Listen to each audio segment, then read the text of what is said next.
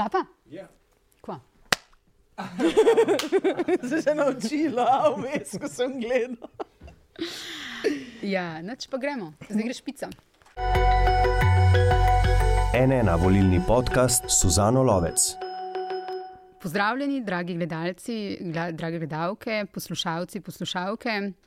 To je uh, zadnji od volilnih podkastov na NN ob tokratnih uh, parlamentarnih volitvah.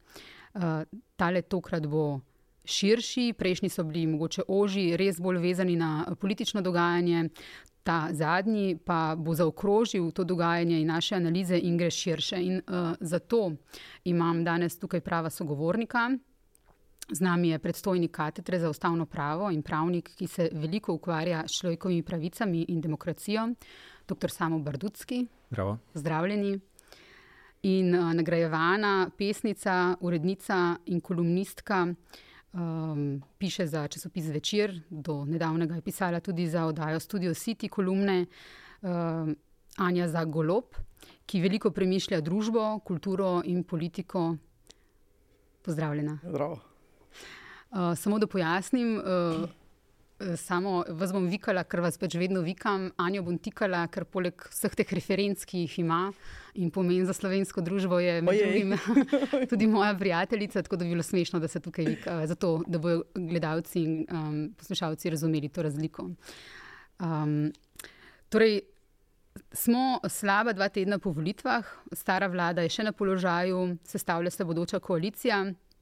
Rada bi se z vama pogovarjala o stanju v državi, o vajnem videnju Slovenije, kakšna je Slovenija in kakšna bi morala biti naša država, družba, človekove pravice in tako naprej.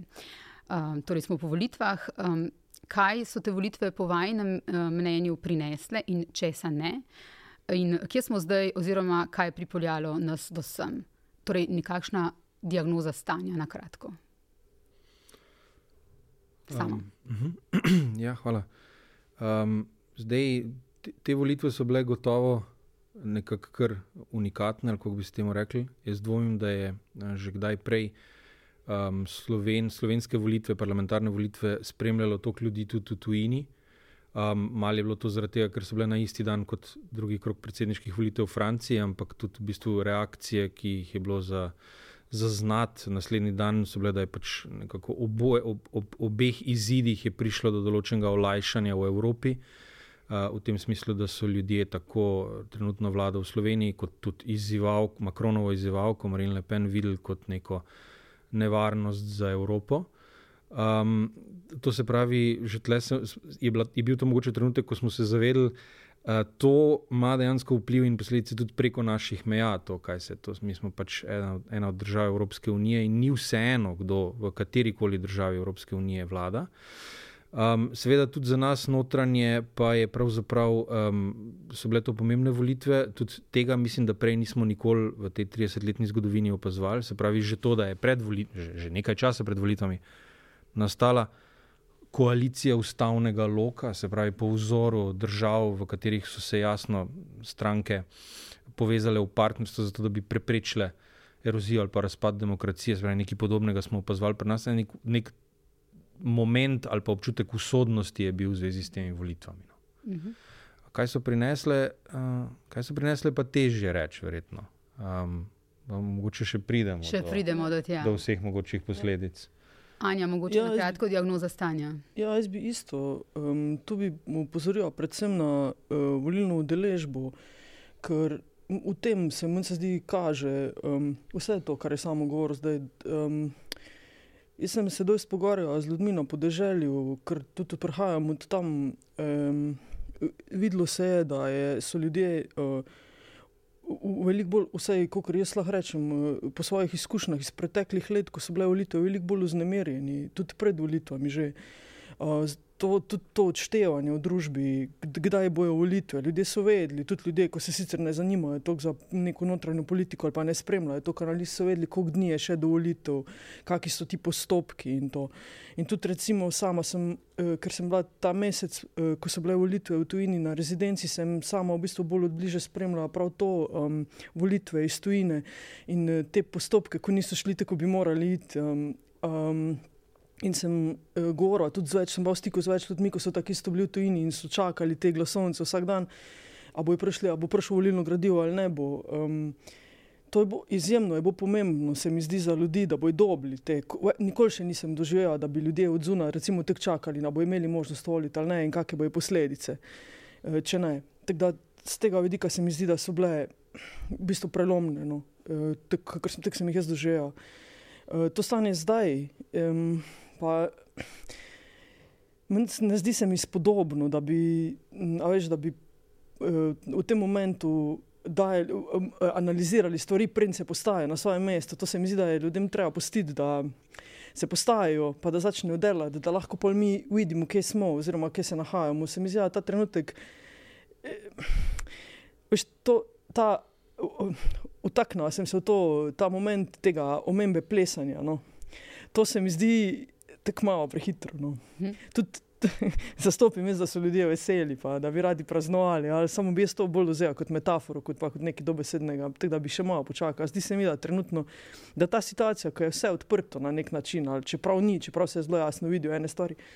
Um, da bi jo jaz vse probal vzeti optimistično. No. Hm. Nisem jaz po naravi sicer nagnjen k temu, da bi strašno, ne, da bi mislila, da bo z tega kaj dobrega, bi, prej, misl, bi pa prej. Um, rečem, košes, ja, bolj previdno bi to gledal, ampak eh, v tem momentu bi si vseeno bil vseeno postal tako okence priprto, da vendarle mogoče se lahko stvari obrnejo na boljš. Uh -huh. Uh, pred dvema eh, dnevoma uh, na dan svobode medijev je Slovenija zdrsnila med tako imenovane problematične države. Torej, na lestvici svobode medijev je Slovenija padla za rekordnih 18 mest. Me zanima, kaj to po vašem mnenju pomeni za našo demokracijo, uh, kako težko bo to popraviti in na kak način bi to sploh izboljšati. Ja, to je, to je, to je, to je silno, silno uh, težko se v bistvu zdaj nekako uh, spopasti s tem izzivom. Oziroma, jaz bi celo rekel, to je eden glavnih izzivov um, zdaj pač politike v prihodnosti. Mi seveda vemo, da so tukaj zelo pereči problemi, kot je javno zdravstvo in stanovanje, in tako naprej, in da bo to hitro padlo v ozadje, zato ker se malo ljudi na tako neki eksistenčni ravni sreča s tem in so posledice erozije svobode medijev otipljive in zaznavne šele na daljši čas. Kaj vse to potem prinese za sabo, in da v končni fazi tudi javnega zdravstva in stanovanj manj, čez 15 let, ko ni svobode medijev. Uh, ampak um, zdaj nekako zrela politika bi se zelo hitro in zelo odločno lotila tega problema. Um, od recimo, uh, seveda, kar je verjetno tukaj najpomembnejše, je, da bo treba zelo jasno premisliti, kaj je z mediji, ki so javni, v javni lasti in tako naprej. Jasno, govorimo zlasti o RTV in STA. Um, kaj, uh, kako točno zdaj preurediti financiranje, institucionalno strukturo, um, da se bo v bistvu uh, preprečilo tako močan vpliv politike, kot je trenutno. Ker trenutno je vpliv politike uh, absolutno premočan. To se je pokazalo v zadnjem mesecu, to, da se.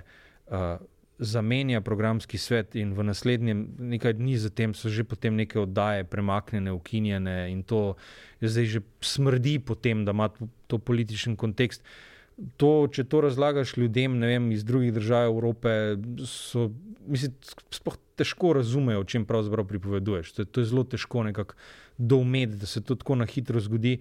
In zdaj treba, je po mojem, iti od te točke nazaj, do kje je zdaj. Um, se potem ustaviti in reči, da tukaj je treba začeti pa delati spremembe, da se to ne bo ponovil. Dajmo se zavedati, da zakon, tak, ki ga imamo, ki je vse to omogočil, imamo že koliko, 16 let ali nekaj podobnega. Um, zadnje čase so se, zdaj v zadnjih dneh so se pojavila opozorila, da se je pravzaprav vsem ustrezal do zdaj. Uh, zato pa pač tudi ni kar tako. Um, Uh, samodejno za razumeti, da vsaka vlada, ki nadomesti to vlado, uh, bo ta zakon šla popravljati in sistem zvezati roke pri svojem lastnem morebitnem poseganju v javne medije. Um, to se pravi, tle bo verjetno moral biti kar pritisk nekakšne javnosti. Jaz upam, da javnost je dosta angažirana, da se zaveda pomena tega, da bo katero koli opcijo, pač, ki se bo zdaj vzpostavila, um, In konec koncev ne vemo niti trenutno, kje bo resor za medije, na katerem ministrstvo je pristal, uh -huh. ker tudi tukaj se obetajo neke spremembe, niti ne vemo, kdo bo ta resor dobil, kaj šele, da bi vedeli v rokah, koga bo potem, bo potem ta vprašanje, se pravi priprava novega zakona. Um, in, uh, in, in tukaj moramo zdaj zelo biti na zadnjih, na zadnjih tačkah, zdaj par mesecev in to zelo pozorno spremljati. Ja, tule, jaz bi se navezal, navezal bi se na to, kar je samo govoril, pa to, kar si prej vprašal. Um, meni se zdi, da je tole treba poudariti dve stvari in sicer eno, glede stanja družbe, vprašanje odgovornosti. Meni se zdi, da je to uh, ključno vprašanje, ko je neposredno povezano na eni strani z zdravo pametjo in njeno prevlado, in na drugi strani s samo omejevanjem, to, kar je samo rekel. Se pravi, um, ti, ko. ko rečeš, ko, imaš, ko prevzameš vlado, pa pol, ko gre kaj narobe, ko se kaj sfiži, rečeš, ja, pa se opozicija ni hotela sodelovati. Pač ti imaš vlado in s tem, ko imaš vlado, imaš neko odgovornost do tega, da vladaš. Če bi jaz rabim nekoga, da z mano sodeluje, pač ne moreš vas kijem nad njega, pa ga pretepa, pa pa reka, zakaj pa ne, vse pa je na tvoja odgovornost, da sodeluješ z mano, pa ja moraš imeti to odgovornost. Ne, ne. Pač, če hočem sodelovanje čez, čez, ne, čez spektr, zato ker ga rabim, ker razumem, da je to potrebno, ker smo v neki situaciji, ko je tako zaostrena, kot je recimo epidemična situacija, bom pač naredil vse, kar je v moji moči, da bom to dobo, če mislim, da to potrebujem. Ne bom po eni strani, ne, bom te palce pa korenčka uporabljal, sploh sploh pa je, mislim, da obsojanje vredno to. Mm, to odvračanje odgovornosti od sebe, takrat, ko mi ne pašejo prevzeti. In zdi se mi, da je to nekaj, kar je ključno, kar se je zares, tako rekoč, vse pore našega življenja v zadnjih dveh letih, pa tudi že prej. In tule, ja, to, točno to, ta, ta, in ta zakon to super kaže. Ta zakon ni bil sprejet pod to vlado, odprej je že in vsem pa še da je. Se pravi, kar pričakujem jaz od nove vlade, kakorkoli je konstituirana, čisto vseeno mi je, eh, pričakujem eh, izjemno močno samoumejevanje. In na točno na tej točki eh, zakona o, o RTV in na splošno zakonodaje, medijske zakonodaje, tega, kako zelo stegniti prste po, me, po javnih medijih, se bo, po mojem, najbolj videl in zelo hitro videl, ali razume ta vlada svojo odgovornost, hmm. testa, ko bo konstituirana. Če jo bo razumela tako, da bo pač tiste stvari, ki bi ne mogoče pasale ali pa bile za njo lahko pozitivne, posto, tam pri strani, ne, pa, ne, pa ne šla direktno, frontalno v to, da jih gre spremeniti za skupno dobro, taj bomo zelo hitro vedeli, kje smo. Ali, ker meni se zdi, da ko ti eh, prevzameš vlado, vladanje, da je to je isto podobno kot z nagradami. Če, če smem to reči, pač imam to izkušnjo. Ko ti dobiš nagrado, ti lahko odpiraš penino doma, pa praznuješ doma, zasebno. Ampak ko ti dobiš nagrado, tista nagrada tebe v bistvu zavezuje bolj, kot ti kaj daje. Tisto pozicijo, ko te postavlja na neko pozicijo, moraš biti sposoben nositi. Drugače, nima smisla nagrad prevzemati. In to je isto. Če ti, prevza, če ti imaš občutek, da je to, da si dobil zaupnico na, na volitvah, zato da boš sestavil vlado, nekaj, kar je darilo, glih tek je odgovornost, če ne še več. In, če, če, in zelo hitro se pokaže, ali si to odgovornost sposoben nositi ali ne. Uh -huh. uh, če smem uh, pocitirati uh, kolega Gašperja Andrinka, uh, novinarja Vala 202, ki je ob tem zdrsu uh, na lestvici medijske svobode napisal dva dni nazaj. Uh, če je vlada Jana Zajanša predstavljala grožnje za novinarstvo ter poslanstvo in obstoj slovenskih javnih medijev, bo imela naslednja vlada še vsaj trikrat večjo odgovornost na medijskem področju. V krvavo ranjeno javno medijsko sfero bo morala poseči odločno, ampak kirurško previdno. Ob tem pa ne bo smela podleči skušnjavi, da bi na dotrajano fasado namalala samo drugo barvo. To bi bila pot v propad. Verjetno se strinjate. Ja, meni se zdi to zelo dober povzetek. E, točno te, tega problema. Pač to, da si ti si sposoben samo omejiti, e, vidimo, da je točno ta erozija te, te sposobnosti, te vrline pri nas eh, v zadnjih dveh letih eh, megalomanska, nevrjetna. Mislim, ne, vidi se v vsakdanjem življenju, ne, ker absolutno prevladuje zdrava pamet, ki sem jo prej omenil, ne, ki nima, nima potrebe potem, da bi stvari abstrahirala, da bi vas sposobna videti širšo sliko. In to, ko je rekel prej samo, da eh, mogoče ne vidimo takoj ne vidimo posledic te erozije, tega padca Slovenije na lestvici, ne vidimo iz danes na jutr, ampak se vidijo na, na daljši rok. Tega mora biti vlada sposobna. Biti mora sposobna vladati na tak način, da, je, da državljani in državljanke razumejo, da, da, da se vlada tega zaveda in da razume, zakaj je to potrebno. Ker niso vse eh, mogoče bomo kasneje verjetno govorili o položaju kulture, tam se to še posebej dobro vidi. Niso vse stvari od tole, pa do tole, da jih ti lahko v tem momentu vidiš. Neke stvari je potrebno gledati abstraktno, jih je potrebno gledati naprej in je potrebno zdaj prevzeti odgovornosti za naprej. Zato pa imamo tak problem z ekološko krizo, pa s tem zbojem. Za, zato, ker ne moramo zdaj videti tega rezultata. Tako, ja, ker rezultat, bojo prišli rezultati kasneje in plačevali jih ne bomo mi po, po možnosti. In to se vidi posod, to se vidi tudi s temi eh, bombončki, ki so bili talani zdaj, pa bo cena prišla kasneje. Tak, to je mentaliteta oziroma način razmišljanja, ko se vidi na številnih področjih. Torej, odgovoren politik bi, bi moral eh, ne samo se samo omejiti, ampak tudi razmišljati. Nikakor ne, kaj bo čez eno leto ali čez štiri leta do volitev, ampak kaj bo čez 20 let, 30. Ne? Če smem samo še to reči, eh, to, da recimo vlada, ko se predn se konstituira, reče, da predstavniki te, ko, ko bojo sestavljali očitno koalicijo, rečejo, da razmišlja na 8 let, mm -hmm, je, je, smisel, je smiselno to. v tem kontekstu, ti, da ti razumeš, da pač to ni nekaj, kar ti je poverjeno za 4 leta, ker boš porabil, kar boš lahko, oziroma ker boš za sebe pobral, kar boš lahko, pa boš pa šel ampak da razumeš, da gre za neko večjo odgovornost od tega, ko gre tudi preko denarja, preko tega, tvojih nekih ugodnosti, ko ni, ni, ko ni povezana s tem, ampak je se tiče tistega grškega smisla vladanja v polisu, ne, na kak način ti vladaš državi za to, da je za splošno blagostanje. To, to je ta razlika. No. V, resnici, v resnici imamo nizke standarde, da smo tako veseli da si nekdo, ki zmaga na volitvah, reče: Jaz bi rad pa še na naslednjih volitvah zmagal. Kaže pravzaprav na to, da smo zdaj že kar nekaj časa. Uh, eh, imamo, gremo od vlade do vlade, za katero se zdi, da zmaga na volitvah, in ne ve točno, kaj bi, zdaj, niti, ja. kaj bi zdaj, ja. niti jih bo to preneslo vlado, še, ja. uh, zmago še čez štiri leta ali ne.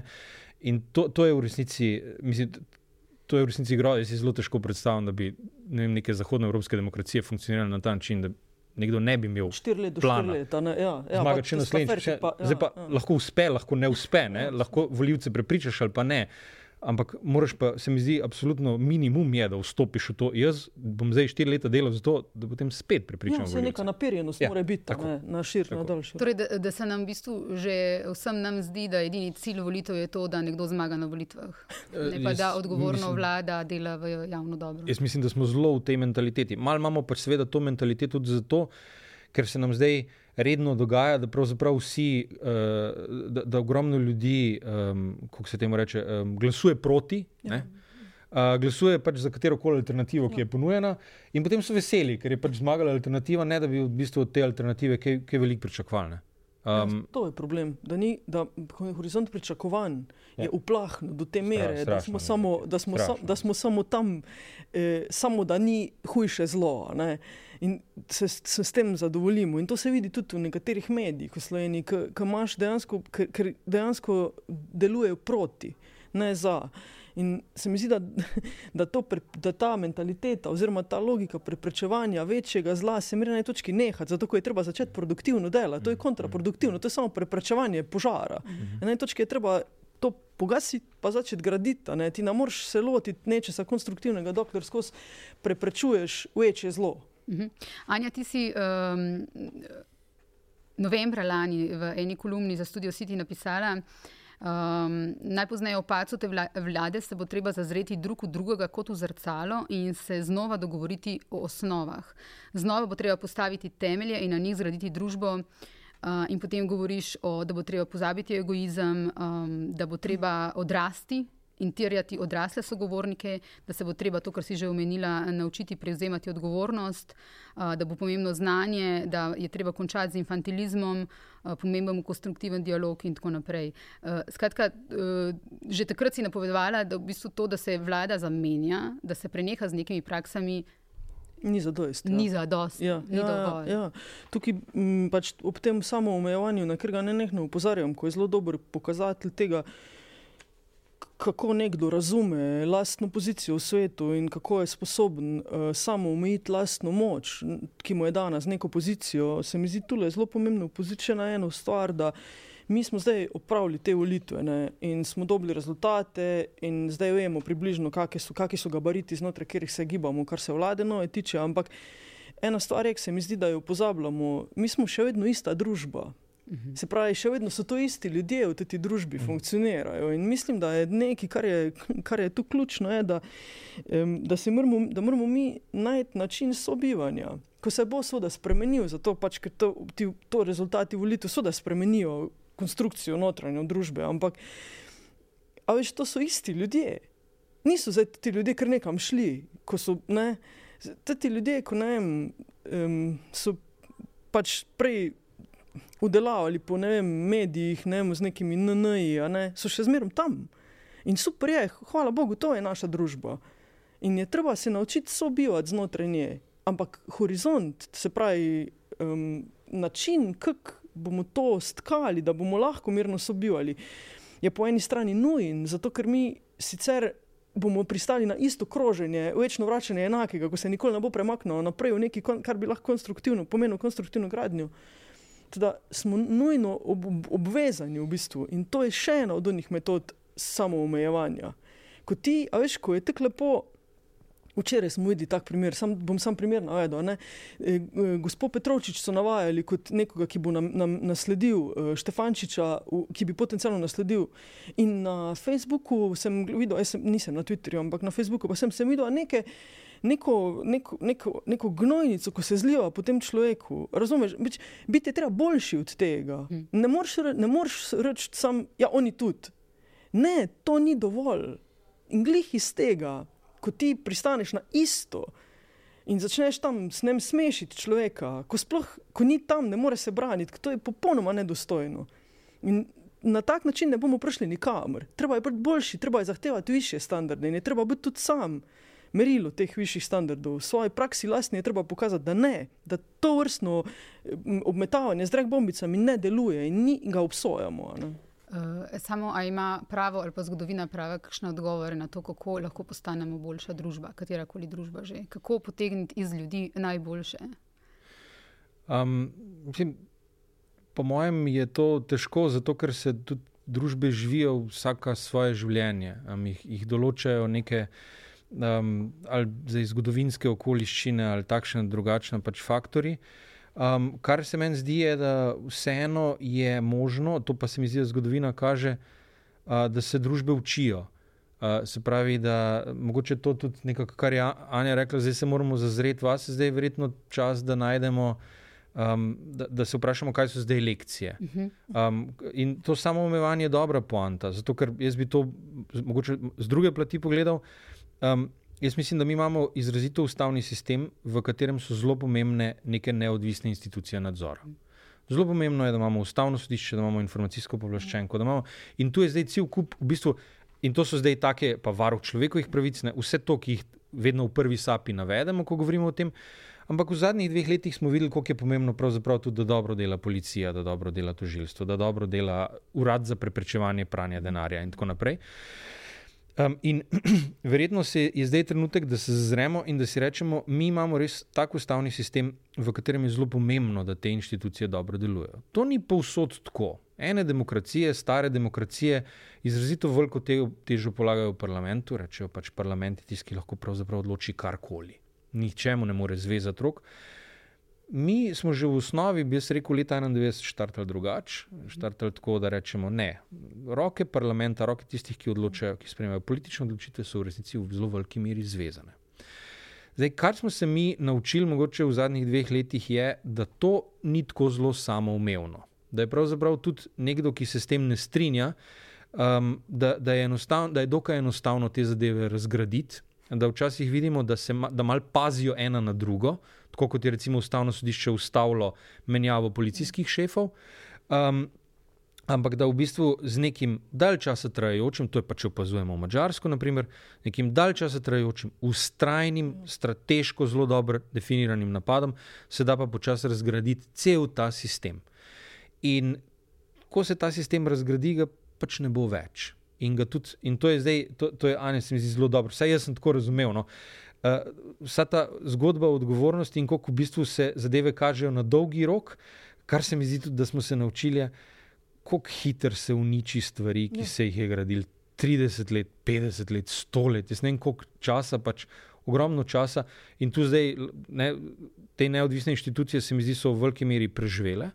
Um, mislim, da je zelo na udaru in da se zelo to pozna policiji, pod ja. kakšnim težkim pritiskom Ja, je bila. izjemno, ja. Policiji, ki je pravzaprav, jaz jo vedno doživljal v Sloveniji kot en tak, v resnici zelo strokoven organ, organ, ki je znal zelo neodvisno strokovno delati.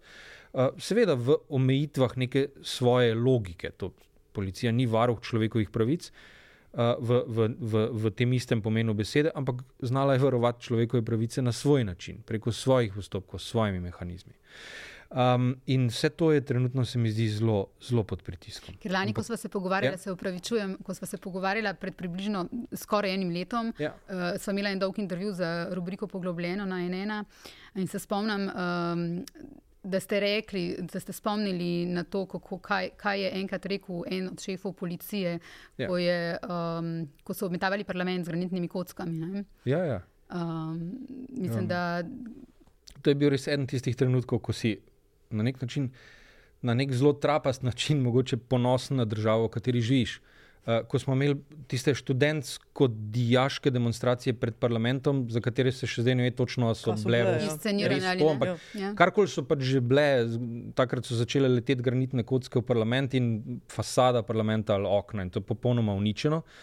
In policija je stala in pač ni tega preprečila, v tem smislu ni se zagnala v množico, začela ali vem, ali pretepati ljudi ali jih odstranjevati ali kako koli.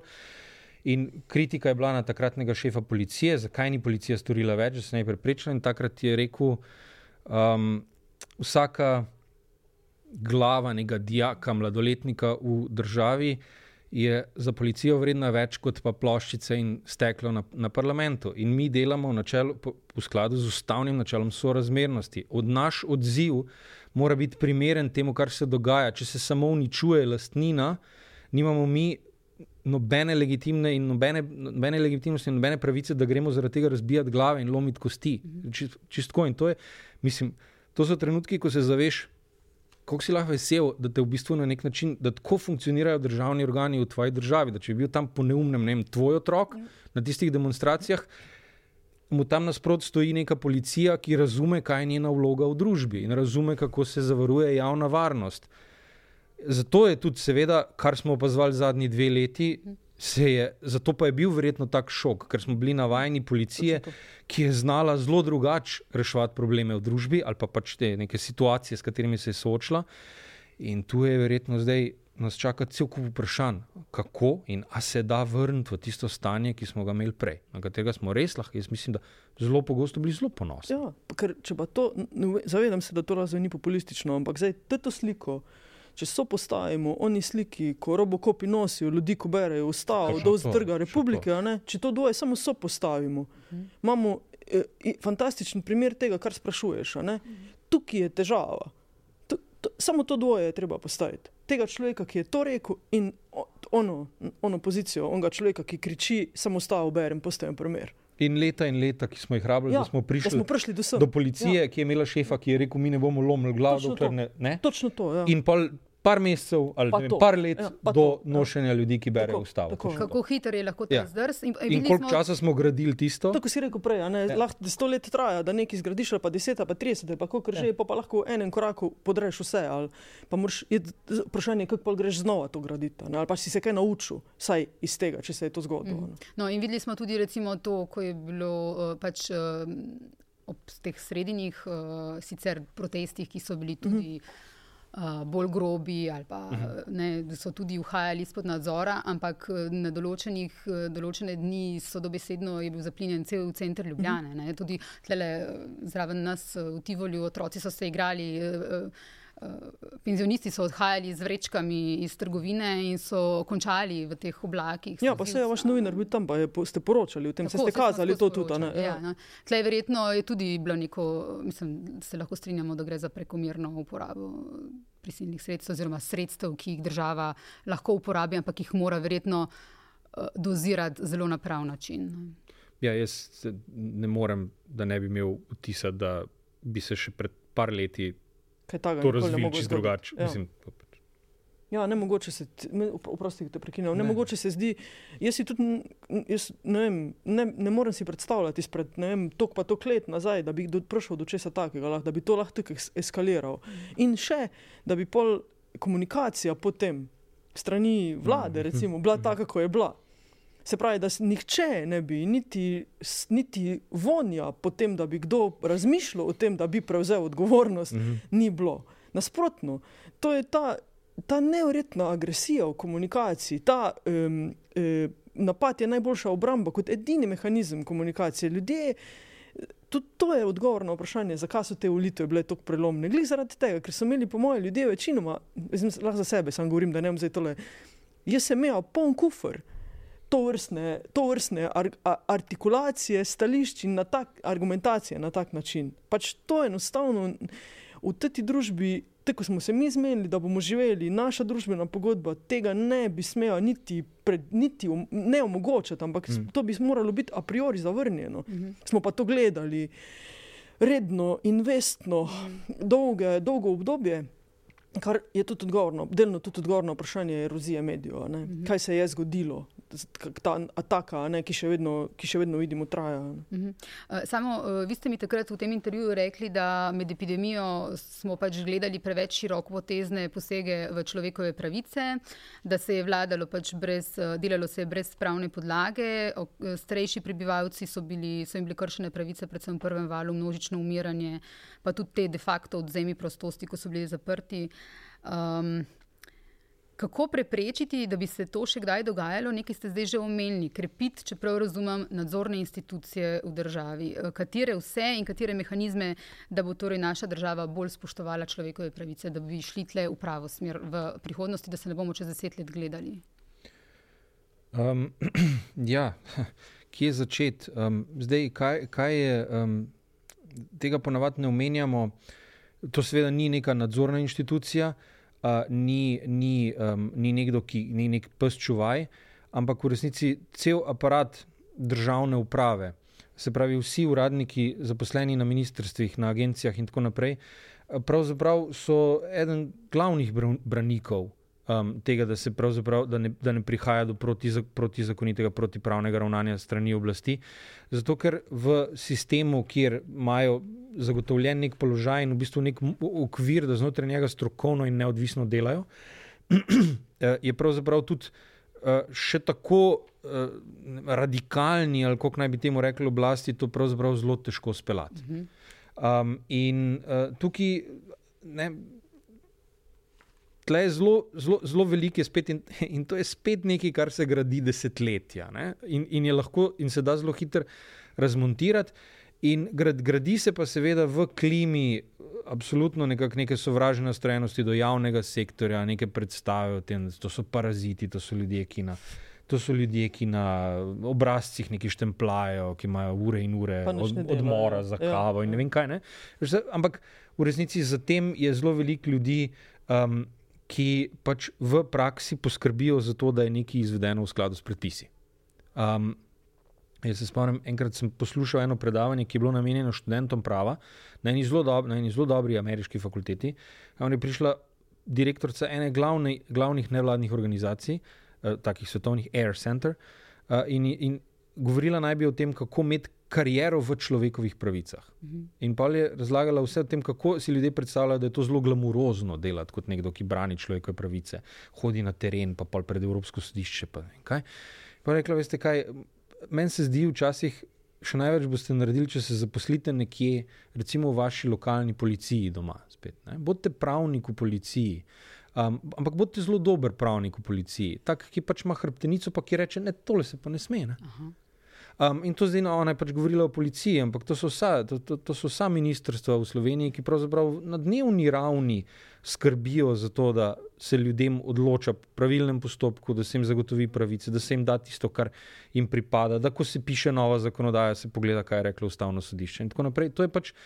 To je kot eno, to je ko eno tako mravlišče. Pač to je spet, ne, to je, to je tisoče ljudi zaposlenih, vsak s svojim nekim ciljem, ampak ti moraš tudi to graditi desetletja, um, ker v končni fazi od tega ima vsak od nas neki, neko, neko mirno, dobro življenje, brez presenečenj, brez možnosti, da se vse kar naenkrat radikalno obrne. Um, tako da zdaj, prosim, pros, prosim se me sicer za neodvisne inštitucije, ampak začnimo tukaj. No. Ta, ki ga ponovadi upravo, ki jo ponovadi sicer razumemo kot tistega, ki nam posega v pravice, na katerega morajo vsi ti paziti. ampak tudi ta kvalitetna, strokovna, profesionalna uprava je v resnici čuvaj tega, da pač mi normalno živimo. Tole ja. bi sam, če lahko. Ja. Um, Meni se zdi, da ena od stvari, ki so bile problematične pri tej vladi, ki se zdaj poslavlja, so, ena od teh negativnih, najbolj negativnih posledic je to, da zaupanja v državo ni, da ni zaupanja v institucije. Um, in meni se zdi, da je ena od glavnih stvari, ki jih je treba narediti ta, če povem s primerom, da se ljudje ne bojo več za po vsej sili hoteli izogibati plačilu davka, ko recimo prodajo nepremičnino ali pa avto ali pa neki, da bojo iskali vse možnosti, kako se izogniti, zato da ne bojo plačali davka, ampak bojo razumeli, da njihov davek, ko ga oni plačajo, pa odvedejo, pač ko nekaj prodajo ali kupijo ali kakorkoli, eh, pomaga, da država funkcionira. Ker, ko se za, ko, in to je ena od temeljnih nalog, ko se mi zdi, da je, jaz se vidim na področju kulture, pač, ampak mhm. gotovo se vidi tudi na, na vseh drugih področjih.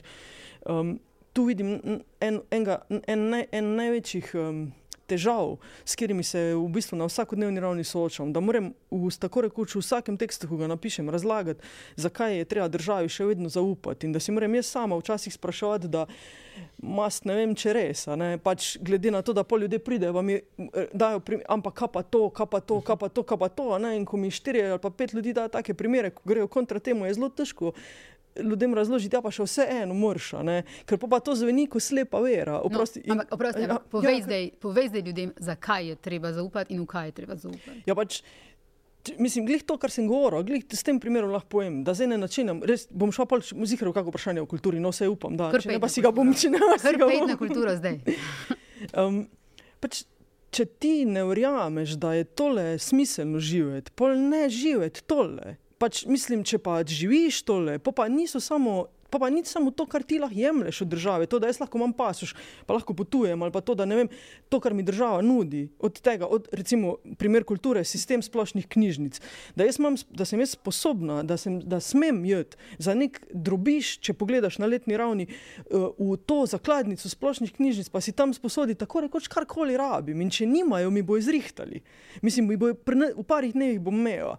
To je če se takega ni, jaz, ko sem živel v tujini, je to ena stvar, ko sem, ko, ko sem prišel nazaj, je prva stvar, prva moja pot, razen domu v knjižnico. Sam sedel sem tam par ur, zato, ker, ker, ker je to nekaj, kar ljubi Jezus. No, če pa to ne, pa, pa res. Veš, in, ampak tega ni brez davkov. Uh mhm. -huh. Hočem reči, to, to so. To, ne moreš samo jemati.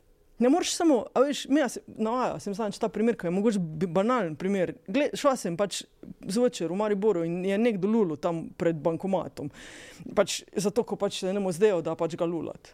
Pa tam deset metrov bek so trije lokali, kamor bi lahko šel človek lula, ampak ne, ne mu se je pač zdaj, da je tam pred bankomatom pa lahko lula.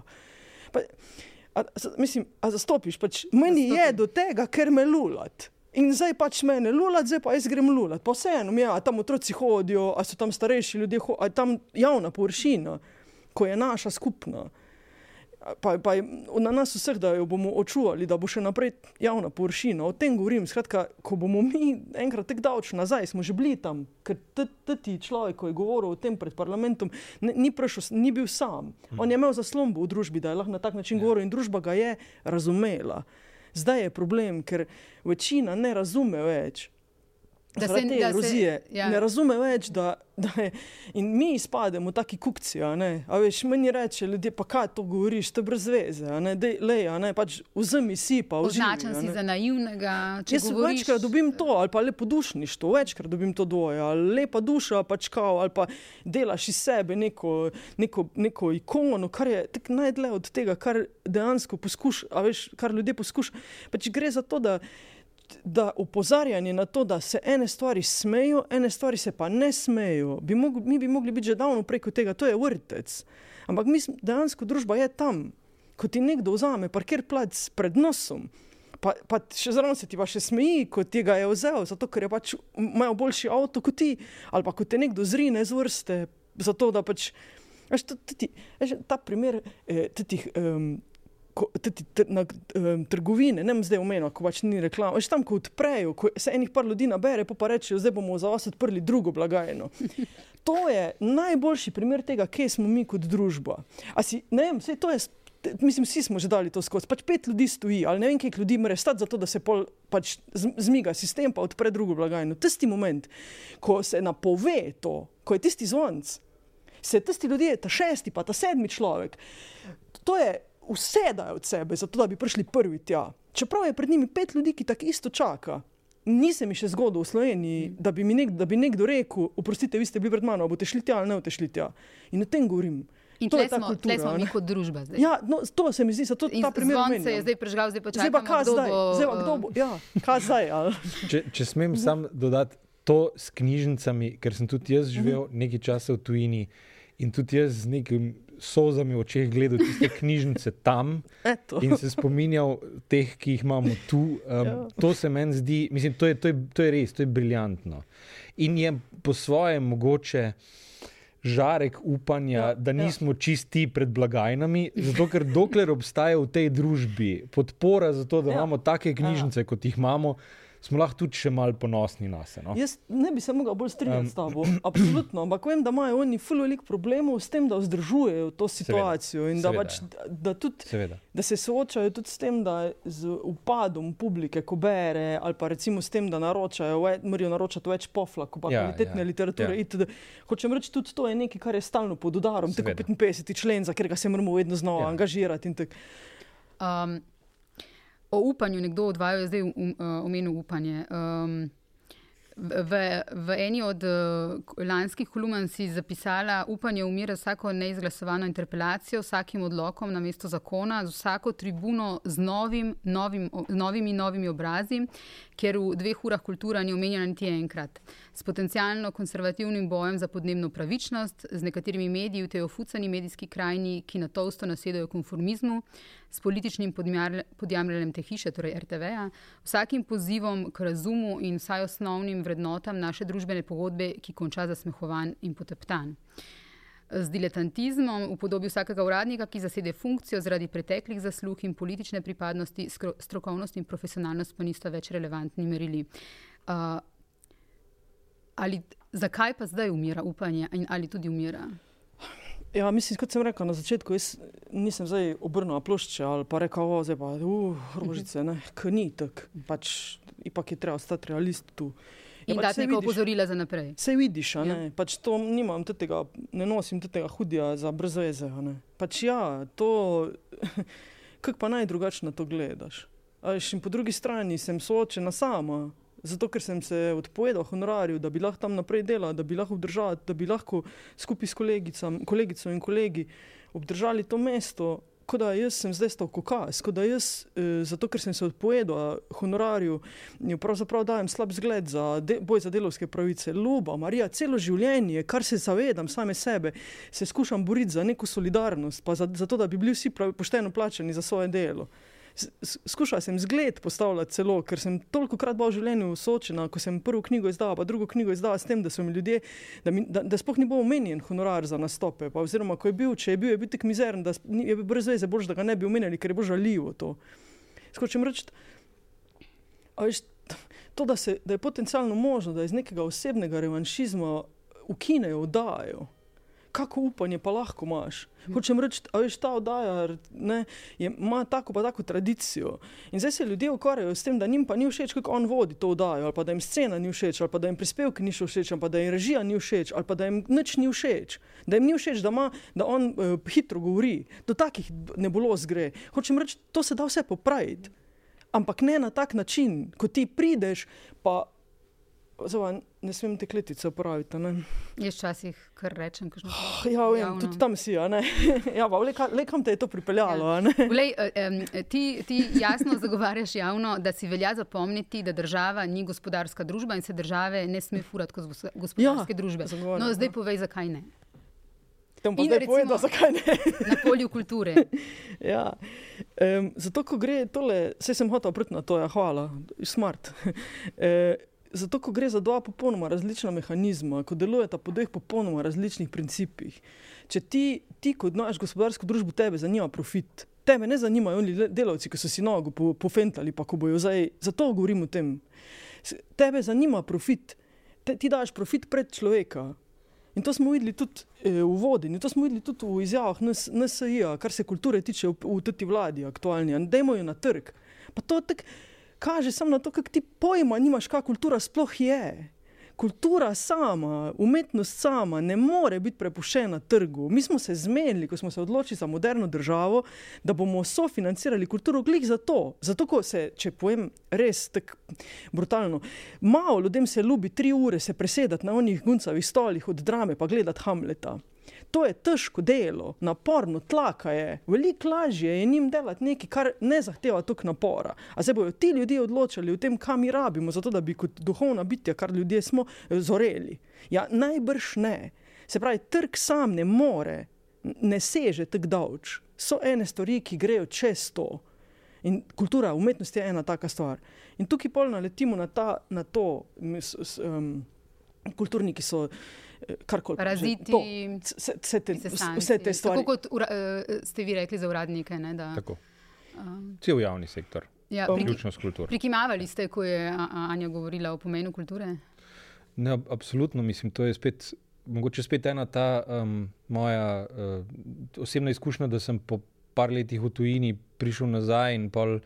Um, počas, zato ker mi tudi družinsko življenje ne dopušča, to, ampak počas spet začutil, koliko je pravzaprav um, bogata kultura v Sloveniji in zlasti v Ljubljani. No? Um, da, da je tu res nekaj, kjer, kjer, kjer, kjer izstopamo po tem, kaj je to mesto sposobno ponuditi. In da pravzaprav, da po drugi strani je pa to popolnoma logično. Sej v današnjem svetu se je težko iti državo, če, Če če te tega samo 2 milijona. Ja. A, in če ob enem nimaš popolnoma nič za ponuditi preko zadovoljevanja osnovnih življenjskih potreb. A, Se pravi, neki, neki rabiš, kar, kar iz tebe dela tisto skupnost. In, in pri nas je to gotovo ravno to.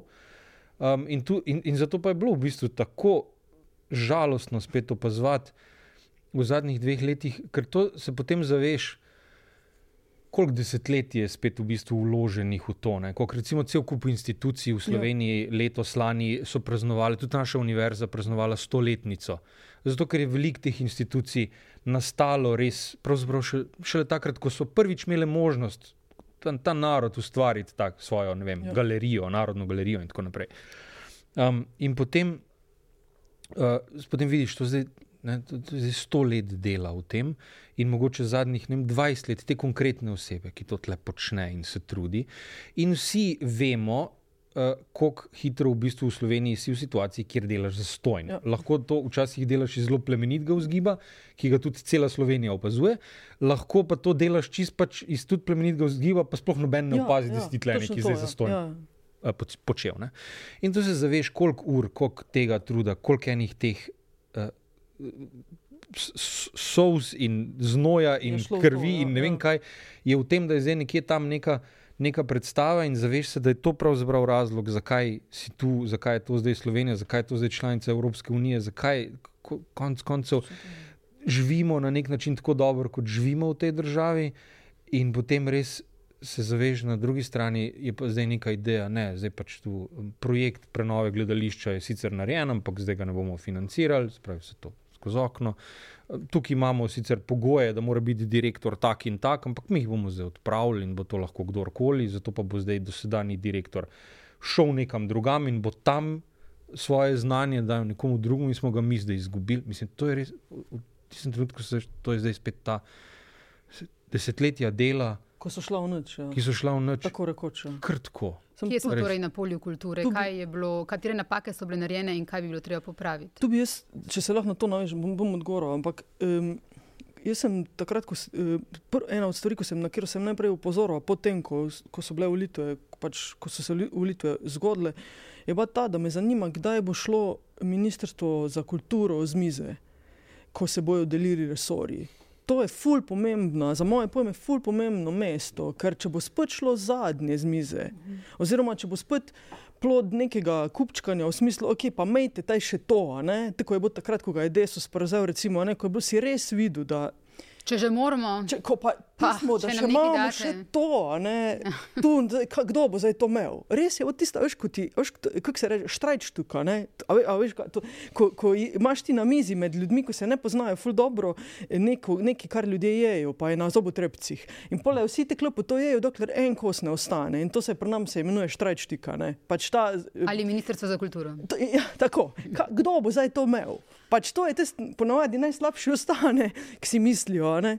Ampak zdaj noben to noče, noben tega noče vzeti. In to kaže, ker je to zdaj brutalna primerjava, to kaže, kam smo mi v družbi prišli, ko se pogovarjamo o tem opoziciji kulture. Če dam drug primer, eh, kultu, od, oddaje v kulturi na nacionalni televiziji so res. Res jih ni. In že ne vem, leta se zauzemam za to, da bi en prime time termin dodelili kulturi.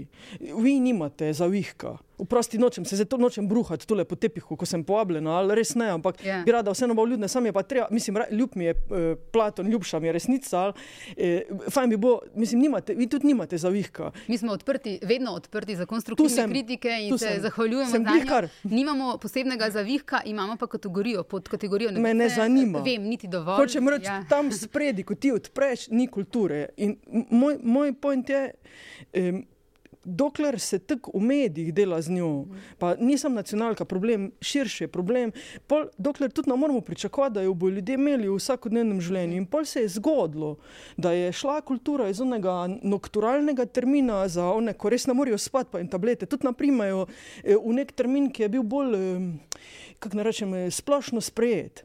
Ampak z to drobno pripombo, da smo se ful borili za to, da bi takrat po dnevih kultura bila pred športom. In smo se tudi izborili za to, in je bila kultura pred športom, dokler je bila za odmevi. Zdaj, ko je kultura premaknjena v termin za dnevnikom, osrednjim, je za športom. Nihče v družbi, da bi jaz vedela, tega ni problematiziral. Mhm. Nikjer. In to, to, je, veš, to je zdaj dovolj. E, a, a, a, ta, ta, ta mrvica, saj smo vam jo dali naprej. Saj ni več ob 11. zvečer, zdaj je 15 do 8. A ni super, ne, ni super. Ni super. Ni, ne moramo biti z vsem zadovoljni in to je ta, ta pozicija kulture. To navajaš kot simptom, v bistvu. Kot, uh... To navajam kot simptom. Ja, pa, m, m, mislim, a veš, ko je zelo lahko reči, da ste nehvaležni. to, je ta, to je ta vulgarnost tega, te pozicije. Isto, kot je bila vulgarnost pozicije tega, da nam rečejo, ne bomo podaljšali pogodbe jedite. In pa mi rečemo, ne, mi bomo vseeno delali to, zato se nam zdi pomembno to, to, to, to točko držati odprto. In pa dobimo, ja, le kakšni stavki kaziste. Mm. Zdaj se bo pa vas, hočem reči, tu notri je problem. Ko me sprašuješ o tem, ali pa ko naj sprašuješ, pardon, o tem, kako je, kako je stanje, kakšna je pozicija kulture, taka je. Dokler ne vrnemo kulturi mesta v družbi, kjer bo enakovredna in vsakodnevna, ker ne bo dogodek je tu kino ali pa v gledališču ali pa na koncertu ali pa razstav, dogodek za tebe, intimno, soda, ki se veseliš. Ampak ker bo to nekaj, kar je stalna praksa, se nimamo kaj pogovarjati. In pol, ko mi, rej, ko mi pritisk mi dvigne, ko mi reče, ja, pa dajmo jo na trg. Mislim, da je ti sebe na trg, mislim, če hočeš. Pač jaz delam stvari, pri katerih se, se ne morem zaposliti kot pesnica. Ni poklica pesnice, se ne morem zaposliti in more, sem lahko samo, samo zaposlena v kulturi. In takoj, ko sem samo zaposlena v kulturi, sem, sem imam že oni. Ne. Napis. Ja. Um, uh, Samo, ko smo uh, lani torej govorila uh, in smo govorila tudi o demokraciji v Sloveniji, in tukaj, ko se danes pogovarjamo po volitvah in ko dajemo nekaj opozorila za naprej, kar je namen današnjega podcasta, um, ste mi rekli, da v bistvu tisto, kar, kar vi vidite kot glavne grožnje, pa kar vas najbolj skrbi, je bilo eno to, kako se dela z mediji, o tem smo danes že veliko govorili, um, potem to, kako postopa naša država um, z begunci. Mhm. Eh, kjer so kršene pravice, ker jih vračamo v bistvu države, ker vemo, da jih čaka sistematično nasilje. Eh, mi smo tudi naredili eno dolgo reportažo, kolegica Barbara Smajla, o tem, kako izgleda življenje, realnost. Centra za tujce v postojni.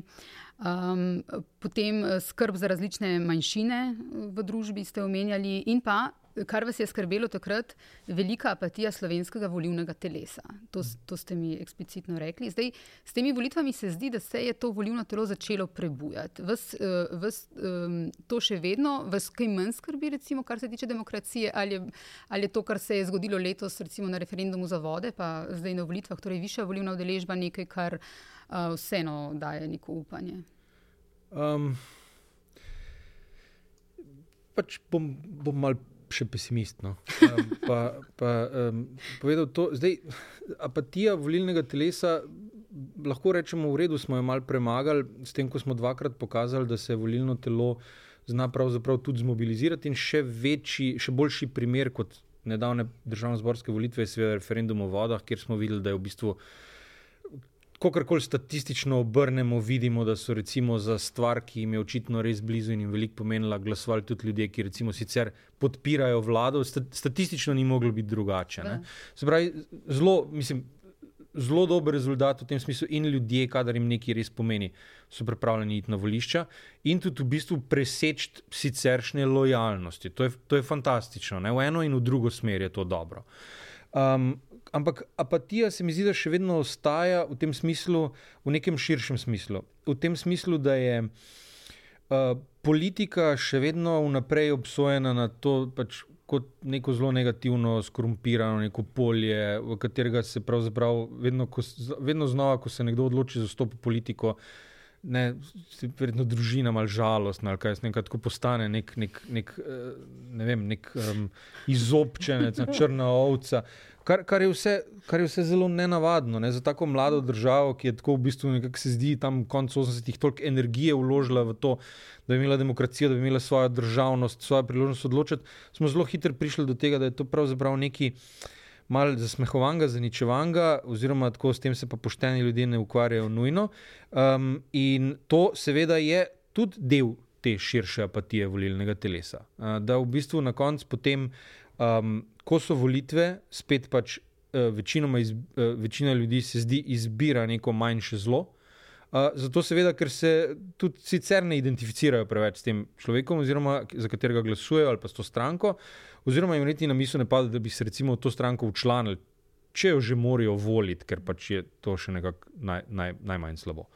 Um, z tega vidika tudi recimo to, kako uh, pravzaprav politične stranke v Sloveniji, kakšno vlogo imajo je po mojem na dolgi rok zelo škodljivo. Um, mi imamo v Sloveniji, po mojem, ne dve res nekako etablirani politični stranki, etablirani v smislu, da imate tudi lokalne odbore. To se meni zdi strašno pomembno. Mm -hmm. To, da ti v bistvu politika se začne pri tistih najbolj vsakdanjih stvareh. Politika se začne tu, ker te moti, da ni semaforja ja, na prehodu za pešce, ja. kjer hodijo tvoji otroci v šolo. Um, zdaj, kje, komu greš ti to povedati, da te to moti? Zdaj, kaj narediš, ker te to moti? Kaj? Greš na Facebook, pišeš, razburjaš se. To je to, v bistvu ni, te, ni tega nekega zelo uh, proaktivnega, kako bi temu rekli. Kanala, preko katerega bi ljudje lahko te pobude, ideje, in pa seveda tudi preference in vrednote, in vse, kar pride s tem, usmerjali. Um, in spet v bistvu vidimo, da ne smemo se čuditi, če obstaja med ljudmi, ki sedijo v parlamentu in v vladi, nek diskonekt. Zato, ker seveda tega, kar bi jih povezali, ni v, v obliki neke mreže, preko katere tudi ljudje potem sporočajo, preko katere lahko tudi prečem, predsednik vlade ali pa, ali pa poslanci v državnem zboru preverijo, ali je neki dobra ideja ali ne. ne. To, to je vse tako.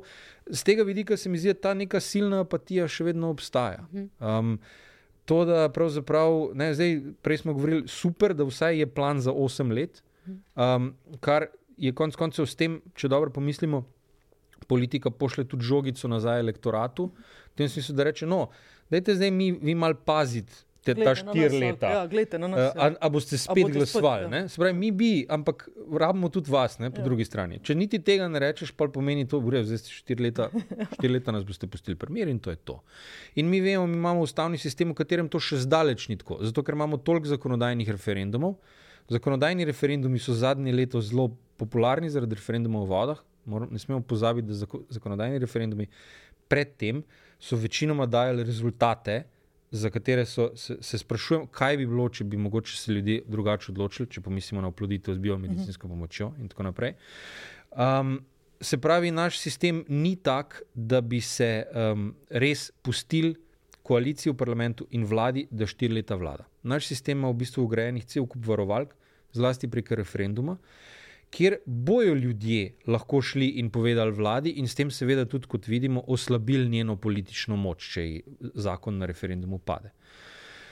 Ampak spet smo v, v bistvu v neki situaciji, kjer so ti referendumi lahko lah izgledajo zelo kot neko tako široka mobilizacija, tako kot je referendum vode, lahko jih pa tudi zelo ugrabi ena majhna struja. Uh mhm. -huh. Ki v bistvu gre, uh, ali hoče zdaj sesut vlado, tako kot smo to gledali pri Pahorjevi vladi, pri tistih referendumih o malem delu in tako naprej. Ne, ali mogoče neka koalicija, ki je šla kontra temu, pretežno z idejo, sesut vlado, ne tok zakon. Um, in v bistvu imamo to, da pač te, na, teh, na te volitve grem nekako, ker ravno moram in ker moram zdaj zbrati neko manjše zlo. Potem jih štiri leta pustim pri miru, ampak ni res, ne pustim jih pri miru, zato ker vmes se dogajajo referendumi. Na te referendume, eh, ki, jih, ki smo jih videli, se, da jih, se jih da pa zelo hitro zmanipulirati. Um, ljudi zelo veliko teh tem niti ne zanima, tako je bilo v preteklosti. Um, in zelo hitro, v bistvu, kljub varovalkam, ki smo jih ustavo vnesli 2013, uh, pride do tega, da odloča manjšina v resnici. In mislim, to se meni zdi še vedno relativno velika apatija. Kljub temu, da je mogoče vsaka štiri leta volilna udeležba nekoliko višja in je že celo v nekih spodobnih procentih za eno demokratično državo. Ampak vse, kar se do- dogaja vmes, ta neka nepripravljenost na to, da si ti, da pokličeš na odgovornost te ljudi vmes. In da v bistvu potem, če štiri leta spet pasivno čakaš, se bo od tega pol leta pred volitvami le pojavila kakšna nova stranka, ki bo zdaj spet manjše zlo, pri čemer si se ti vnaprej odpovedal temu, da bi imel kakršen koli vpliv na to. Ker ti se, se, to se težko, če ti nabiraš stranko in kandidat na liste dva meseca pred volitvami, se tudi težko pride do kakršne koli mobilizacije, kjer bi pač nekako od spodaj prišli ti kandidati, kjer bi rekli, no zdaj imamo pa tako kot v Ameriki primarne volitve, um, pa, pa imamo debato v, v občinskem odboru Škofja Loka o tem, kdo ja, bo naš kandidat. Vse tega ne more biti.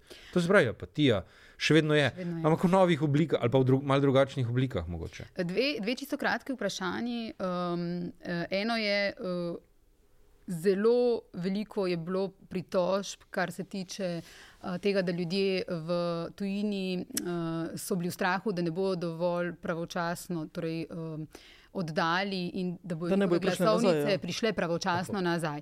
Ali bi tukaj morali spremeniti roke, za- da se ne bomo na naslednjih volitvah isto spraševali?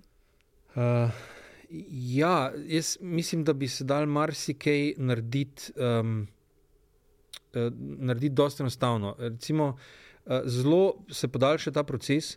Uh, zato, ker recimo, ta proces je lahko dosti kratek, če se volivcu v tujini pošle prazna Prazna, glasovnica. ja. Se pravi, da na njo sam unese ime liste kandidata in tako naprej. Ne? Kar Ker se zdaj že pošilja, tistim, ko Tako, čez ocean se tako. že Čez pošilja. ocean Tako, v tako. Evropsko unijo se pa Tako pa ne, pošilja tako.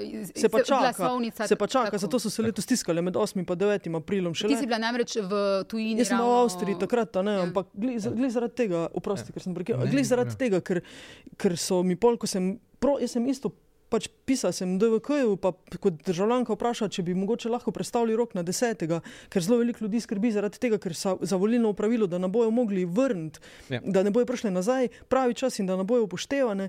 Um, zaradi tega, ker je uh, ker ta rok od takrat, ko so kompletirane liste, ko teče še rok za pritožbe, preden se vse skompletira, in so letos se skompletirali, če jaz pravim, 3. ali 4. aprila, šele in pol je bo tiskanje uh, 8. pa 9. tisti vikend in pa so jih odpošiljali 10. oziroma 11. šele. In je bo nemogoče, če si preračunal. Pošte, ali je bo nemogoče, tudi če pošta v redu deluje. Jaz sem se pol sama odločila, da bom pač na dan volitev nesla sama glasovnico na, pač na, na konzulat, zato da bi preprečila vse tisti del, ki je pošta. Da bo bolj gotovo, da bo, Da bo gotovo zagotovo prišla upoštevana. v Ampak pravem ne morejo pa vsega.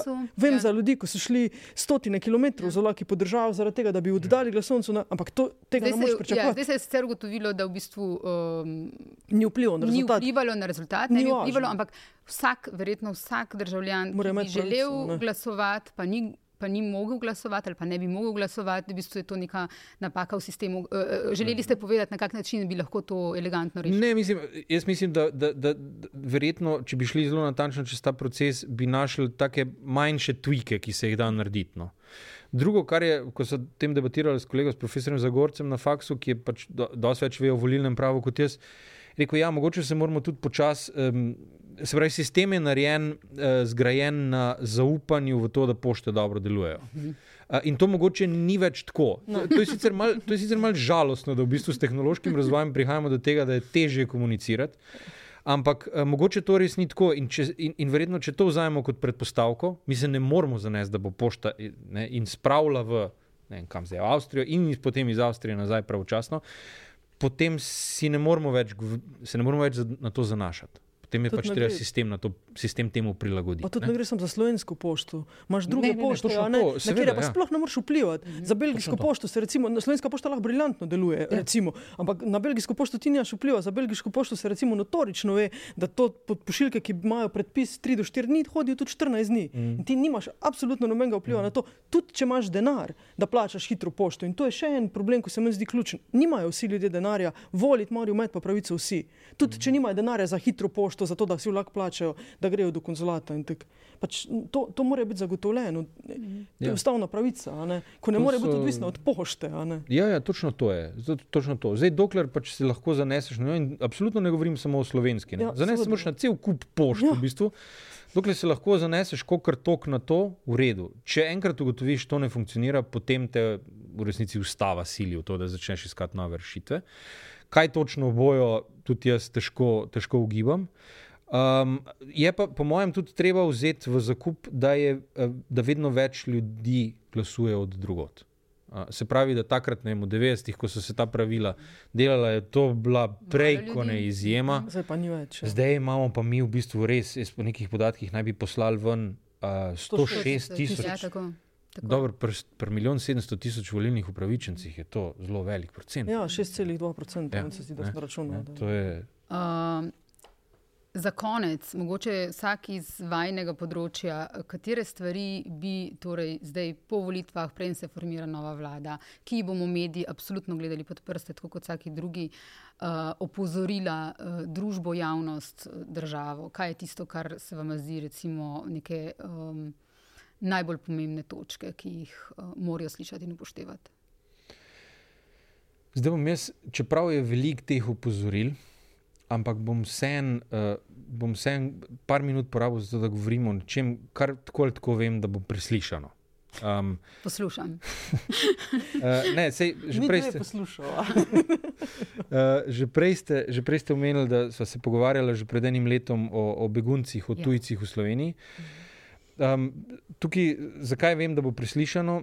Zato, ker v resnici od, uh, od, od, od nekih strank, ki so na levem centru ali pa v nekem širokem smislu liberalne ali kako koli bi pač temu rekli, uh, za katere zelo pogosto ugotovimo, da pravzaprav imajo gl- globoko zavest o pomenu človekovih pravic in temeljnih svoboščin, um, je ta zavest bolj ali manj omejena pač na nas tukaj. Um, se pravi, on, jaz mislim, da v, v strankah, recimo, ki se zdaj pogajajo v koaliciji, je veliko zavedanja o tem, da je treba na drugačen način postaviti svobodo medijev, um, da je treba varovati neodvisne inštitucije in tako naprej. Zelo veliko so tudi v predvolilni kampanji govorili o tem. Um, mislim, da tudi pri njih, tudi če, se, če imajo neko zavest o človekovih pravicah, je ta zavest ali bistveno šipkejša, ali pa praktično neobstoječa, ko govorimo o tujcih. Zlasti, ko govorimo, seveda, o tujcih, ki k nam prihajajo. Ne, tuj, ne govorimo o tujcih, ki k nam prihajajo drugot iz Evropske, od drugot iz Evropske unije. Govorimo o ljudeh, ki prihajajo z vojnih območij, ki prihajajo, ki so, ki so, ki so, ki so druge barve, druge vere, uh, druge kulture kot mi. Tam pa se jaz bojim, vsaj tako nam kaže um, zgodovina, nedavna, je, je tega zelo malo. Um, zakon o tujcih, ki ga je razsulo ustavno sodišče v 10. a 10. b členu, ki omogoča na nek način suspenz ustave, suspenz človekovih pravic, um, nek de facto, ali kako bi temu rekli, uh, je seveda sprejela SMC-jeva koalicija. Te- Tega, te, tu, tu ne rabiš desničarske vlade, ne rabiš konzervativne, nacionalistične, ne rabiš, patriotske ja. vlade, da sprejmejo tak zakon. Res je sicer, da so si vsaj nekateri od njih malo pravi vest, ker so zdaj ponovno sprejeti zakon oni spodbijali pred ustavnim sodiščem, ne, stranke Kula. Um, ampak uh, podobno, je, podobno je z žico na meji. Ži, žica na meji uh, je zdaj že, jaz mislim, da dokazano. Da pravzaprav jemlje življenja. Žica na meji ubija, zato ker ljudje se potem utonejo v kolpi. To je vzročno, posledično, nedvomno povezano z žico. Um, žico na meji, za žico na meji ne rabiš desničarske vlade, ne rabiš konzervativne, nacionalistične, domoljubne vra, vlade, um, niti potem uh, ne rabiš, ko jo enkrat vlada postavi, je lahko tudi naslednja vlada, uh, levo-liberalna na levi sredini, da jo ohrani. In trenutna, uh, trenutna zmagovalna stranka je rekla, da bo žico odstranila. ampak zakaj? Ne zato, ker bi tam umirali ljudje, tudi otroci, ne, smo videli lani, Ampak zato, ker ni učinkovito. ampak zato, ker ni učinkovita. Noro. Um, tako da, zato pa jaz mislim, da bo to zdaj preslišano. Um, ampak jaz, jaz res mislim, da se, um, da se to res pravo spoštovanje človekovih pravic in temeljnih svoboščin začne tam, kjer jih kratimo tistim, ki nimajo kaj veliko glasu. Ja, v domu v postojni.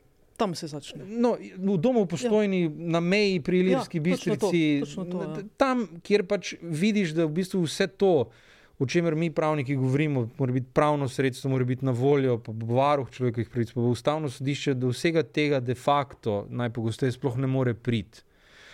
In zato pa mora takrat, jaz mislim, da je neka normalna civilizirana politika tukaj, da reče: prav, pa, potem pa je mogoče naša naloga, da tukaj vzpostavimo neko humano stanje in da zaščitimo ustavo, tudi pri ljudeh, ki tega ne bodo mogli stožiti pred sodišči. Um, in uh, jaz mislim, da pač, če si nekdo, ki ima na ustnicah človekove pravice in temeljne svoboščine, začni tam.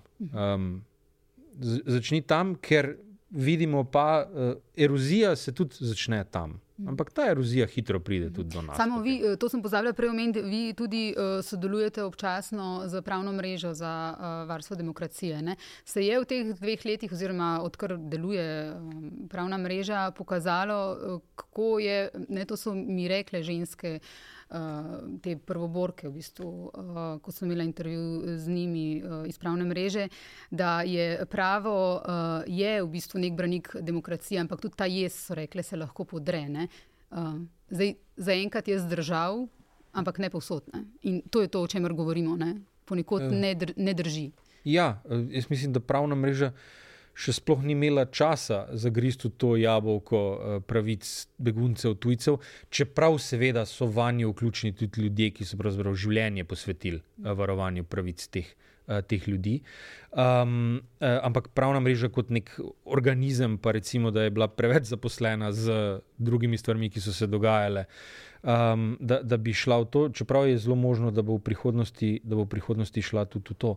Um, napovedujem, tako rekoč, kot zunanji opazovalec. Ne, ne, da Ampak hočem da reči, to- se je tle poka pokazalo, v bistvu, ja. kako pravniki, ko stopijo skupaj, um, ne da bi jim bilo treba, ampak zato, ker je bilo treba. Uh, Ja. V bistvu veliko lahko naredijo. Ne, Ja, jaz mislim, da zelo veliko. Zlasti se to pokaže v situacijah, kjer vidiš, da um, je zelo pomembno, da ne prepustiš uh, ljudem, da um, so sami v neki situaciji.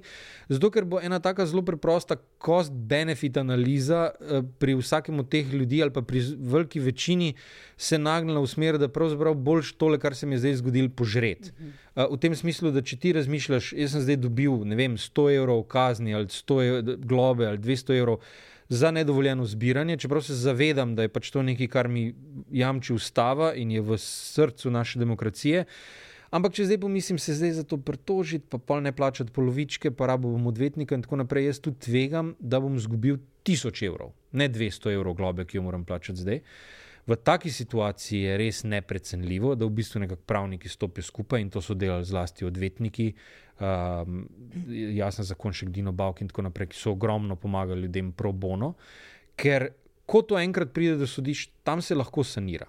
Če pa nikoli ne pride do sodišč, ker vsi nekako to sprejmemo, pa rečemo, oh, joj, pač, ne, boljš to, kot da tvegam še celo mojo plačo naslednji mesec, um, pa, pa, pa, pa enostavno ne more, pravo ne more uh, zavarovati teh vrednot. Anja, katera opozorila bi ti dala v javnost, državi, družbi in oblasti? Najprej bi tu um, samo komentiral, da um, pa civilna družba tudi ima meje in da si država, ne, da si politika, pač vladajoča um, politika ne more dovoliti, da ji rit, da, če te grdo rečem, da ji civilna družba skozi odnaša rit. Se pravi, to so stvari, ki morajo biti urejene na, znotraj um, sistema, ker za tam, za tam so za to predvidena sredstva. To je še en od unih razlogov, zakaj zaupati državi ali pa je ne zaupati, zakaj plačati davke ali pa jih ne plačati, zakaj ljudje skušajo pobegniti oziroma ne, na, iskati bližnjice, zato ker imajo občutek, da, da ne deluje. Če se moraš ti, to je super, da civilna družba deluje in hvala Bogu, da deluje in da take organizacije recimo delujejo, kot je, kot je mreža za zaščito demokracije. To, to pač ja, seveda. Ampak ne moramo, ali pa recimo Anita Ogulin se vedno spomnimo, ne, a veš, ne moramo mi na, ne moramo na te prof, pr prostovoljce, pa prostovoljke, ko si bojo, ko pač si svoj čas dajo za to, eh, tam pa obstaja eh, struktura eh, znotraj, uradniška struktura in druga struktura, ko bi lahko pomagala znotraj države, ampak pač ne funkcionira. V nobeni resni državi se ne to... more revnih otrok in ne bi smela ja. reševati uh, humanitarno. Glih o tem govorim in tu le imamo za to. Točno to. Za, a veš, ti ne moreš zaupati, če vidiš, da tam ne deluje. Če morajo pol petka za nasmeh zbirati pet evrov, zato da bodo otroci imeli za jesti, če te rečem direktno. Ampak točno to, ne. E, da mor, da zato, ko ti dobiš kazen za nekaj, kar ti ustava dovoljuje, oziroma kar, za, kar je ustavno ne samo dovoljeno, ampak za, omogočeno, zagarantirano, da ti to lahko, ti dobiš kazen za to, to veš, da je v preki z zdravim razumom in da je v preki z, z zakonom, pa hkrati ne boš šel, boš, boš rajš požrl, ne? to nekaj ni v redu. In da to, da se lahko zaneseš na civilno družbo, super, oziroma organizacije znotraj nje, super, ni pa dovolj. Država sama mora delovati, da to, da to prepreči. Zdaj, to, to, če sem lahko to komentiral, drugače pa kar se tiče pa tega, kar jaz mislim, da, da se mora zgoditi. E, tole pa, sem, sem pa v bistvu, če se lahko, se bom e, doista osko držal, bom izhajal iz tega, kar sicer jaz delam. E, eno od del, ko jih upravljam, je to, da sem pesnica. Jaz, e, bi rekel, da sta dve stvari, ko se mi zdita v bistvu za današnjo družbo ful ključni na tem preokretu, na katerem stoji. Ena je e, vprašanje komunikacije oziroma problem komunikacije. E, meni se zdi, da je nujno potrebno premisliti, pa ne samo to, kar mi zdaj govorimo, to treba je premisliti, ampak da je treba dejansko najti mehanizme, skozi kere spodbuditi, naučiti, eh, ponovno izobraziti eh, ljudi, da bodo znali med sabo komunicirati. Zato, ko imamo zaradi tega take probleme v družbi, ko se, ko se kažejo dejansko, ko grejo celo do sovraštva, eh, do, do prizadajanja sile ljudem. Pri tem ima fulj velik za upraviti izobraževalni sistem. In tu pridemo do tega, da je pač treba izobraževalni sistem absolutno podpreti, prenoviti, urediti, tako da bo dajal rezultate na, tem, na tej točki, da bodo ljudje imeli ne, državljansko vzgojo, če hočeš, da bodo razumeli, razumeli osnovne postulate tega, kako država funkcionira, da bodo znali brati časopis. Da bojo zahtevali od časopisa, da je boljši, ali pa od drugih medijev, da so boljši, da se ne bojo sprijaznili zgolj s klikbajti, ampak bojo hoteli imeti več, da bojo hoteli imeti analizo, da bojo hoteli imeti eh, polemiko in da bodo sposobni sami vstopiti v polemiko. Zato, ker se zdaj, ker zdaj opažam, prevečkrat, da pač enostavno obstaja nek strah, eh, ki se pol pretopi v napad. Um, zaradi tega, ker ljudje enostavno niso sposobni artikulirati, ne vsi, seveda ne, ampak ali pa ne spoštljivo, dostojno obraniti svojega stališča z argumenti. Da bi pa ti lahko branil neko, svoje stališče z argumenti, mrš pa imeti štof, material za to, da lahko to počneš. In tudi material ti večinoma daje umetnost. Življenje v svetu, seveda, ne razumevanje sistemov in to, ampak tudi v veliki meri umetnost. In tu prihajam do nečesa, kar, kar se mi zdi druga stvar, poleg komunikacije in izboljševanja komunikacije, ki je za mene problematično, in to je, da ti svet zdaj, od ljudi, ki so se spopadali v predvoljnih soočenjih, do ljudi, ki so pisali komentarje, ne razumejo metafore. Ne razume, kaj metafora pomeni, ne razume, zakaj je metafora tam. In jo razume, nekateri od njih bolj prefrigani, pa jo razumejo izjemno selektivno. Takrat, ko jim pašejo, takrat, ko jim pa ne pašejo, pa ne. Um, kar smo videli neštetokrat. Nekaj k temu prispeva Twitter, ne s svojo omejeno komunikacijo, ampak kot ste vi že ugotavljali, tudi tu, pa druge na drugih podcastih je to en balonček, kjer ga je to pa toliko ljudi, da ne moremo reči, da je to splošen problem zaradi tega, ni to, ni to vzrok. Ampak na splošno v družbi opažam, da metafora, da krsko spade. Ja, da ljudje ne, res grejo iskati isto puško, isto koruzo. No. A, mhm. razumeš, da, da, da, ni, ne, da, da tu govorimo. Ne, in da je to. Da, da, in zakaj je to za moje pojme problem? Ker je metafora nekaj, kar ti lahko razumeš, če razumeš ploskovitost, če si sposoben abstrakcije, če si sposoben logično premišljati neke stvari izven tega konteksta, da imam zdaj tole, ti glaš vode na tej mizi. In da je pol polno, kako bi rekel človek temu. Ampak da greš od tega naprej.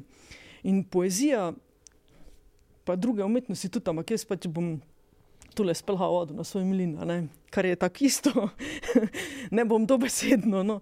Um, um, poezija daje to možnost, zato ker v tem, kako je narejena, v svoji najbolj notranji dinamiki tega, kaj ona je, ontološko, počne točno to.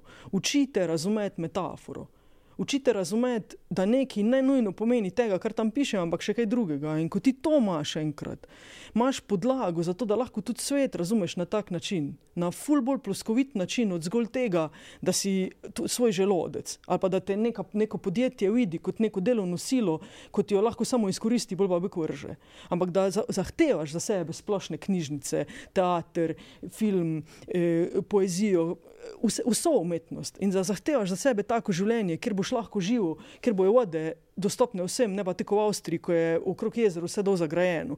Da lahko to zahtevaš za sebe, da imaš pravico do tega, da to zahtevaš za sebe. To je ful pomembna stvar. Zato, ko polko enkrat imaš to ploskovitost, imaš tudi samo zavest, ko se spuščaš v debato z drugimi ljudmi, da znaš argumentirati stvari in da hkrati ne rabiš biti agresiven, ker te ne rabi biti strah, ampak da si lahko spoštljiv. In samo iz take komunikacije, iz take spoštljive komunikacije, lahko dobimo neka proaktivna stališča, lahko priznamo, da se motimo mogoče. Zdaj noben noče, ne upa si noben priznati, da se moti. Vsi so v enem krču, a pa večina ljudi v enem krču, ker se jim zdi, da je to nekaj slabega, če se motijo. Ne razumejo pa, da s tem, ko se motiš, da, se s, tem, da s tem napreduješ, ko pač vidiš, da korigiraš svoje stališča. To se mi zdi to se mi zdi ob tem, da pač se s tem, ko to delaš iz mnen, iz, iz nekega sveta mnen, ko so lahko danes taka, jutri pa taka, uspenjaš k nekemu svetu vednosti, kar se mi zdi pa v bistvu za človekovo življenje, za človeka kot takega ključno. Teda to mogoče zveni zdaj visoko leteče, ampak je absolutno nekaj, kar je popolnoma realno in kar jaz osebno pričakujem od, od te države, oziroma te vlade, tega sestave vlade in tistih podsistemov, da bodo to razumeli in da bodo delovali v skladu s tem, zato kot te histerije, v kateri smo zdaj živeli, ne moremo več prenesti. Mi mislim, da nismo več. Da smo šli čez vse prage tega in da se to vidi od prometa do drugih sistemov, kjer vsakodnevno živimo, da to enostavno ni več možno, da to treba umiriti. Pa, tako si ti prej rekel, neko življenje, mirno življenje zagotoviti ljudem, da bo imeli eno podsta, da bo lahko pol iz nje izhajali, skozi to, kar so dobri, pa testo delali. Ja. Draga gosta, najlepša hvala za gostovanje in za vajne misli, vajne razmisleke. To to. Uh, hvala lepa tudi poslušalcem in poslušalkam, gledalcem in gledalkam. To je bil zadnji volivni podcast. Uh, zagotovo se pa še kaj slišimo in vidimo. Hvala. Hvala lepa. Hvala, lepa. hvala za pobil. Hvala.